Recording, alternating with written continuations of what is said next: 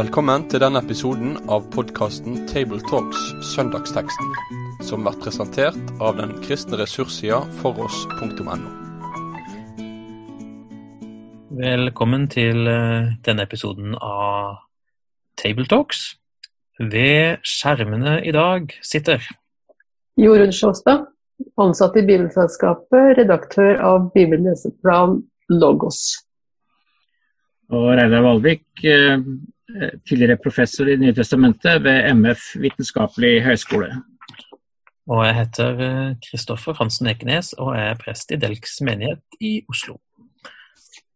I dag leser vi sammen eh, en tekst fra Matteusevangeliet, kapittel 6, fra vers 24 til 34. Og da har jeg lyst til å spørre deg, Jorunn, om ikke du kan lese for oss? Det gjør vi. Og jeg leser Jesu navn. Ingen kan tjene to herrer. Han vil hate den ene og elske den andre, eller holde seg til den ene og forakte den andre. Dere kan ikke tjene både Gud og mammon. Derfor sier jeg dere, vær ikke bekymret for livet, hva dere skal spise, eller hva dere skal drikke, heller ikke for kroppen, hva dere skal kle dere med. Er ikke livet mer enn maten, og kroppen mer enn klærne? Se på fuglene under himmelen. De sår ikke, de høster ikke og samler ikke i hus. Men den far dere har i himmelen, gir dem føde likevel. Er ikke dere mer verdt enn de? Hvem av dere kan vel med all sin bekymring legge en eneste alen til sin livslengde? Og hvorfor er dere bekymret for klærne? Se på liljene på marken, hvordan de vokser. De strever ikke og spinner ikke. Men jeg sier dere, selv ikke Salomo i all sin prakt var kledd som en av dem. Når Gud kler gresset på marken så fint, det som gror i dag og kastes i ovnen i morgen, hvor mye mer skal han ikke da kle dere, dere lite troende? Så gjør dere ikke bekymringer og si hva skal vi spise, eller hva skal vi drikke, eller hva skal vi kle oss med? Alt dette er hedningene opptatt av. Men den far dere har i himmelen, vet jo at dere trenger alt dette. Søk først Guds rike og hans rettferdighet, så skal dere få alt det andre i tillegg. Så gjør dere ingen bekymring for morgendagen. Morgendagen skal bekymre seg for seg selv. Hver dag har nok med sin egen plage. Og takk for det, det var fint. Ja, dette er jo berømte ord eh, atter en gang, som mange sikkert kan utenat eh, deler av. Eh, og det begynner jo da med en eh, å slå fast noe som eh, ja, man kan jo oppleve det i arbeidslivet òg, for så vidt. At det å ha mer enn én arbeidsgiver, eh, eller å tjene to herrer, som det her står, det kan by på noen utfordringer. Eh, hvis de to arbeidsgiverne er relativt vennlig innstilt overfor hverandre, ja, så er det i hvert fall mulig eh, å, dele på det. Men det er vel ikke tilfellet akkurat når det gjelder Gud og mammon. Det er tvert imot to ganske ulike herrer som hver på sin måte gjør krav på full råderett over sine undersåtter. Eh, så dette er jo en sånn veldig hva skal jeg si, tilspissa enten-eller-tale, eh, som Jesus eh, jo egentlig benytter seg ganske mange ganger. Òg her. Gud og mammon. Ja, hva skal vi, hva skal vi si nå? Det er kraftig tale. Ja, da, og det er jo riktig eh, det du sier, at eh, det er jo fullt mulig å tjene to herrer. Det er mange som gjør det hele veien. Eh, og det kan hende at oversettelsen, eh, slik vi har den, gjør dette litt enklere enn det kanskje er i Jesu munn. Eh, den eh, greske teksten her bruker jo et verb som kan oversettes med å tjene, men også enda mer presist å være slave under. Nettopp. Da snakker vi om eierskap og eiendom eh, i mye sterkere grad. Da snakker vi om eh, eiendom, og vi snakker om å gjøre det som en herre befaler. Eh, så da er man altså overlatt til en makt som man ikke bare kan gjøre som man vil med. Dette er jo noe som man har opplevd som en utfordring allerede i Oldkirken. Jeg leste Johannes Chrysostomus preken over den teksten. Og da sier han ingen kan tjene to herrer, dvs. Si slike herrer som befaler oss å gjøre motstridende ting. Det er bare da det gir mening å tale om to herrer, for da er det, da er det snakk om noen som befaler helt ulike ting. Um, og det er interessant å, å, se, for hvis man ser på hvordan dette verbet som er oversatt med 'tjene' her brukes andre steder, så har vi det f.eks. i Jesu forkynnelse i Johannes 8, eh, hvor eh, de jødene som eh, Jesus der snakker med, sier at vi er Abrahams barn og aldri vært slaver for noen. Hvordan kan du da si at vi skal bli fri? Og Da svarte Jesus sannelig, sannelig, jeg sier, den, sier dere, den som gjør synd, er slave under synden. Så Det er altså i, i liksom dette perspektivet her å være slave under noen som er eh, fokuset her. Eh, det er ikke det å, å kunne liksom bestemme selv, men er altså undergitt en makt. Og Den samme Johannes Chrysostomos eh, sier det at det går godt an å være rik, sier han, og være herre over sin rikdom. Eller man kan være slave under den. Eh, og Så bruker han jobb som eksempel. Han var rik. Eh, men Jobb sier i, i kapittel 31 at han, han, har jo ikke brukt sin rikdom til sitt eget beste, men han har brukt den til å eh, fø mennesker som ikke hadde mat, og omsorg for fattige og elendige. Og da er han herre over sin rikdom, sier eh, Johannes Chrysostomos. Og det er et eh, ganske godt eksempel han bruker. Eh, for det er forskjell på den herskeren som befaler deg å plyndre og utnytte andre, og den herskeren som sier at du skal gi bort det som er ditt. Og det er forskjellen på mammon og Gud.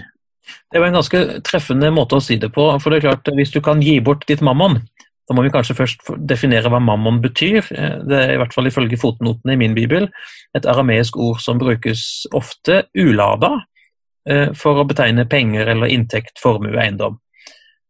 Så måten å unnslippe makten på, er jo da å gi avkall på deler av dette problemfeltet, nemlig å kunne gi bort pengene sine til andre. Ja, ja altså det er, det er, viktig det du sier, Kristoffer. fordi når man ser dette ordet mammon, eh, dette aramaiske ordet, så ser man at det er brukt i targumene. Det altså vil si disse aramaiske oversettelsene, eller nesten parafrasene av Det gamle testamentet, som ble brukt på Jesu tid og fremover. Og i, i um, gjengivelsen av um, budet, det første budet om å elske Herren sin Gud i 5. Mosebok 6.5, så heter det altså i den aramaiske teksten du skal elske Herren din Gud av hele ditt hjerte og av hele din sjel og av all din mammon. Altså med alt det du har. Nettopp. Skal du elske Gud. Så når Gud er herre både over deg og over mammonen din, dvs. Si rikdommen din, da er dette mulig å få til? Ja. Nettopp. Det var jo en eh, Nå fikk vi sagt ganske mye om dette verset som eh, jo eh, sitt, lever litt sitt eget liv uavhengig av det som kommer like etterpå. Men i vers 25, nå vil jeg gjerne gå videre, som vi skjønner, der står det et sånt lite 'derfor'. Og det er kanskje nettopp derfor Eh, nettopp derfor eh, dette vers 24 er tatt med i prekenteksten. Eh, fordi vers 25 jo viser tilbake på noe som har vært sagt like før. Eh, men nå er det jo en helt annen tone plutselig som, eh, melder seg, i hvert fall sånn som jeg opplever det i denne teksten. Her begynner å snakke om bekymring, og snart så om, hører vi om Guds omsorg osv. Jeg er ikke så sikker på at det er en helt annen tone.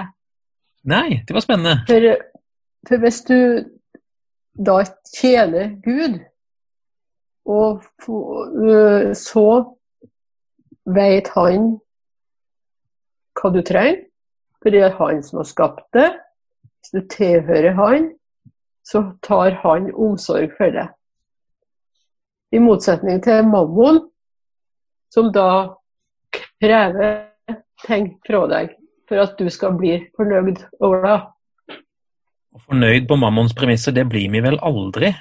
Jeg har regna litt på det, faktisk. Jeg har funnet ut at summen av alt det jeg ikke har, er mye større enn det jeg har. Så det ligger godt til rette for et mislykka og ganske fortvila liv, hvis en skal definere ut fra dette her. Um, til dette verset så har jeg bare tenkt på Mammon sier vi jo, for det står i verset før, men kanskje vi med et litt mer moderne uttrykk kunne snakke om materialisme? Um, altså det vil si en måte å se på verden på, uh, hvor alt på en måte som betyr noe, er det som kan måles, telles, veies og gjerne samles. Uh, da i motsetning til Gud, som verken kan måles eller veies, uh, men som står over og i realiteten er skaperen og sånn sett òg giveren av alle disse gode tinga som kan riktig føre oss på avveie, men òg kan inngå i et godt og gudfryktig liv. Så materialismen kan kanskje være et uttrykk for å liksom få dette litt inn i vår tid. Det nevnes jo helt opplagt Ja, Reidar, vær så god. Ja, jeg tror det er helt treffende. Jeg, jeg slo opp i uh, i Store norske leksikon på materialisme, for å se hva, hvordan man definerer materialisme i, i, etisk sammenheng. og da er eh, materialisme det at materielle goder og nytelser er det høyeste gode. Og, da, da, får man jo eh, veldig klar motsetningen. Eh, materialisme det er det, det er det mammon representerer, mens eh, motsetningen er da Gud, som jo faktisk er det høyeste gode og som er det som er eh, helt avgjørende eh, for et menneske å forholde seg til. Vi må skli litt videre. Eh, det nevnes jo fornuftige og nødvendige ting her. Det er mat og klær og drikke.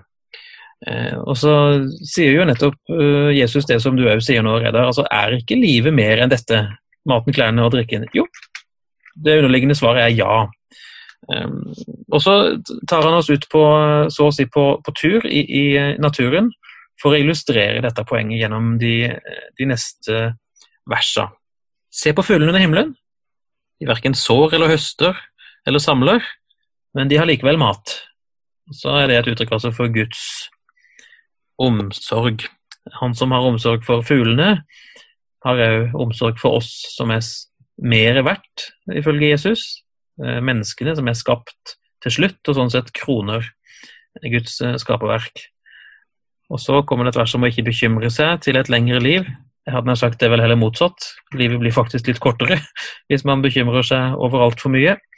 Um, og så går han videre og sier noe om det samme her i vers 28, da, om klærne, med henvisning til liljene. Uten å streve eller spinne, så er de kledd like flott som kong Salomo, som for øvrig var kjent for sin rikdom. Det er interessant at Salomo plutselig dukker opp her eh, i samband med dette her eh, temaet. Er det noen av dere som har eh, gjort dere noen tanker om det? Jeg tenker det at de så for seg Salomo som, en, som kunne få alt det han ville ha, og som, gjorde, som også har det flott rundt seg. Men så er det noe som er enda flottere enn det. Altså det overgår det fineste som de kanskje kunne tenke seg. Den rikeste og den eh, beste som de kunne tenke seg, kom ikke i nærheten av det som da Gud har skapt for at menneskene skulle få ha det godt.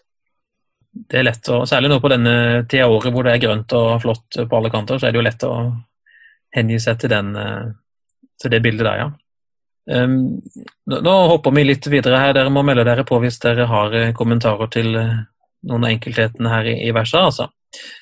Men uh, jeg hadde bare lyst til å kommentere det i vers 28 og 29 um, om disse liljene. Um, det at dette med å være vakker er jo blitt en sånn Det har jo sannsynligvis alltid hengt ved oss og vært viktig. Eh, men i vår sånn veldig digitale og billedlige kultur så er jo det kanskje blitt viktigere for mange enn før. Eh, så har jeg tenkt på dette Stoler vi på at vi er vakre nok uten strev? Altså vakre nok sånn som vi er skapt? Eh, hvis Gud har skapt vakre liljer som er vakrere enn kong Salomo, så må jo òg et menneske være vakkert i Guds øyne selv uten sitt strev, for å opprettholde det vakre ytre. Eh, og Jeg lurer på om det kanskje er noe vi skulle minne hverandre litt på. At denne materialismen som vi nettopp har identifisert, egentlig ødelegger for oss noe av det Guds perspektiv eh, når han ser på oss, nemlig at vi er faktisk eh, uendelig verdifulle og vakre i hans øyne, mens vi i materialismens klamme grep egentlig ikke har noen ting å, å stille opp med. Det var en sånn liten refleksjon midt inni dette. Vi har bevega oss nedover mot vers 30 og, eh, og 31, og i 31 så oppsummerer jo Jesus og griper tilbake og sier ja, så bekymrer dere ikke, da. Eh, og så begynner han i vers 32 å snakke om hedningene. Det er jo alltid spennende. For hvem er det som snakker her? Eh, jo, det er jo det er jo Jesus, selvfølgelig, men han var jo ikke hedning, han. Han var jo jøde. Eh, og både han og tilhørerne og han som skrev Matteusevangeliet, og de første som leste det, var jo jøder. Hva er det han vil si eh, med dette her eh, poenget om hedningene? Jeg tror at eh, Jesus oppfatter det slik at hedningene har en tilnærming til livet som er preget av bekymring. Eh, de er jo omtalt eh, tidligere i kapittel 6 også, når Jesus eh, taler om bønn. Så sier han jo i 6-7 når dere ber, skal dere ikke ramse opp ord slik hedningene gjør. De tror de blir bønnhørt ved å bruke mange ord. Og jeg antar at det kan oppfattes da som et uttrykk for bekymring. Man må liksom ramse opp alt mulig for å, å kunne bli hørt. Men eh, det Jesus vil eh, si, er at man trenger ikke å bekymre seg, for eh, vår himmelske Far har omsorg. Og det er jo interessant, Hele denne teksten vår er jo preget av dette om å ikke være bekymret. Og bekymring det er jo egentlig et uttrykk for manglende tillit til Gud. Det er det som er hovedsaken her. Eh, I slutten av vers 30 så sies det jo dette her eh, Hvis man er så opptatt av dette, så sier han dere lite troende.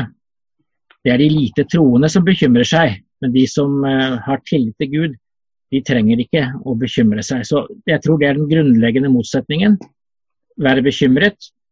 Eh, det trenger vi ikke å være, men vi skal ha tillit til Guds omsorg.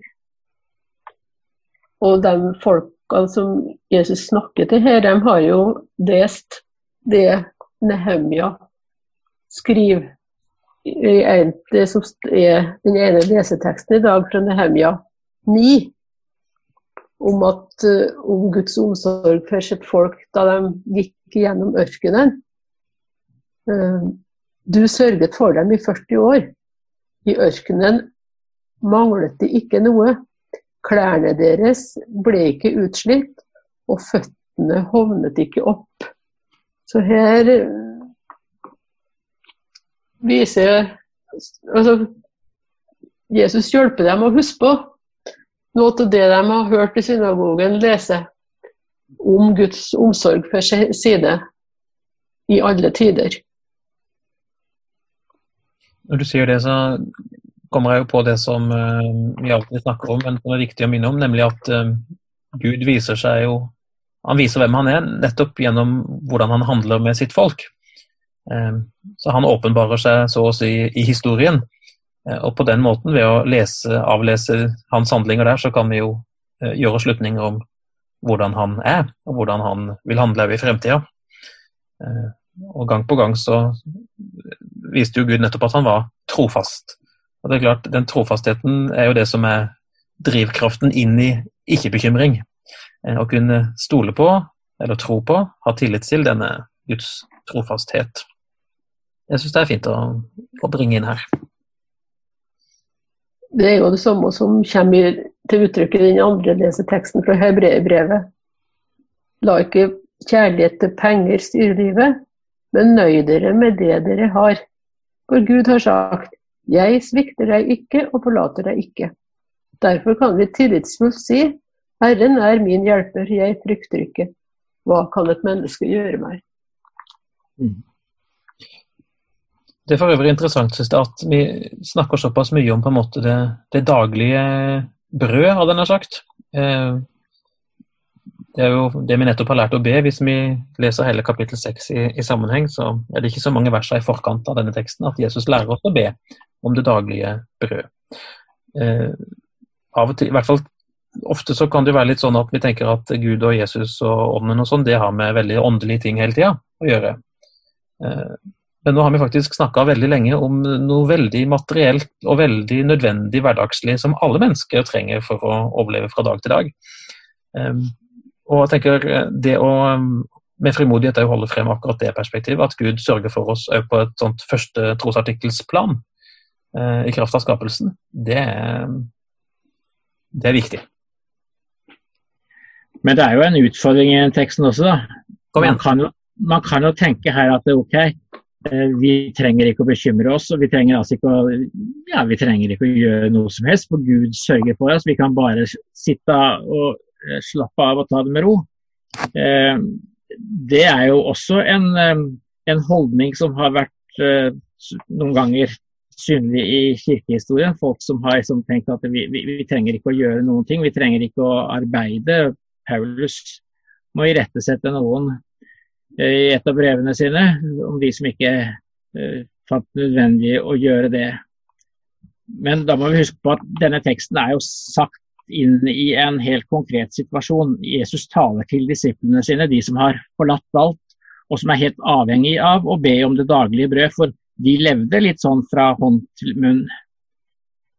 Men han adresserer jo ikke jeg, det moderne samfunnet og hvordan vi lever og sørger for livet. Eh, det er problemstillinger som ikke er med i denne teksten. Og eh, jeg fant et, eh, et sitat fra, fra Luther som som i denne teksten, i forbindelse med denne teksten veldig klart adresserer dette her at denne teksten betyr ikke at vi bare skal sitte og overlate alt til Gud. Han bruker eksempelet med, med fuglene. Så sier han at eh, når Gud sørger for fuglene, så betyr ikke det at han legger maten i redet deres. Fuglene må selv finne maten. Uh, og han sier jo heller ikke at vi ikke skal arbeide og planlegge eh, livene våre og legge til rette for å ha det vi trenger. Men vi skal ikke bekymre oss. Han sier ikke det er galt å arbeide, eh, men det, galt, det som er galt, det er å bekymre oss. For Luther sier veldig tydelig Gud har sagt eh, allerede i skapelsesberetningen at mennesket skal arbeide. Men, og det er et guddommelig påbud, men vi skal ikke bekymre oss. Nettopp. Det er en veldig viktig presisering. Eh, for man kan jo fort liksom havne i en grøft her.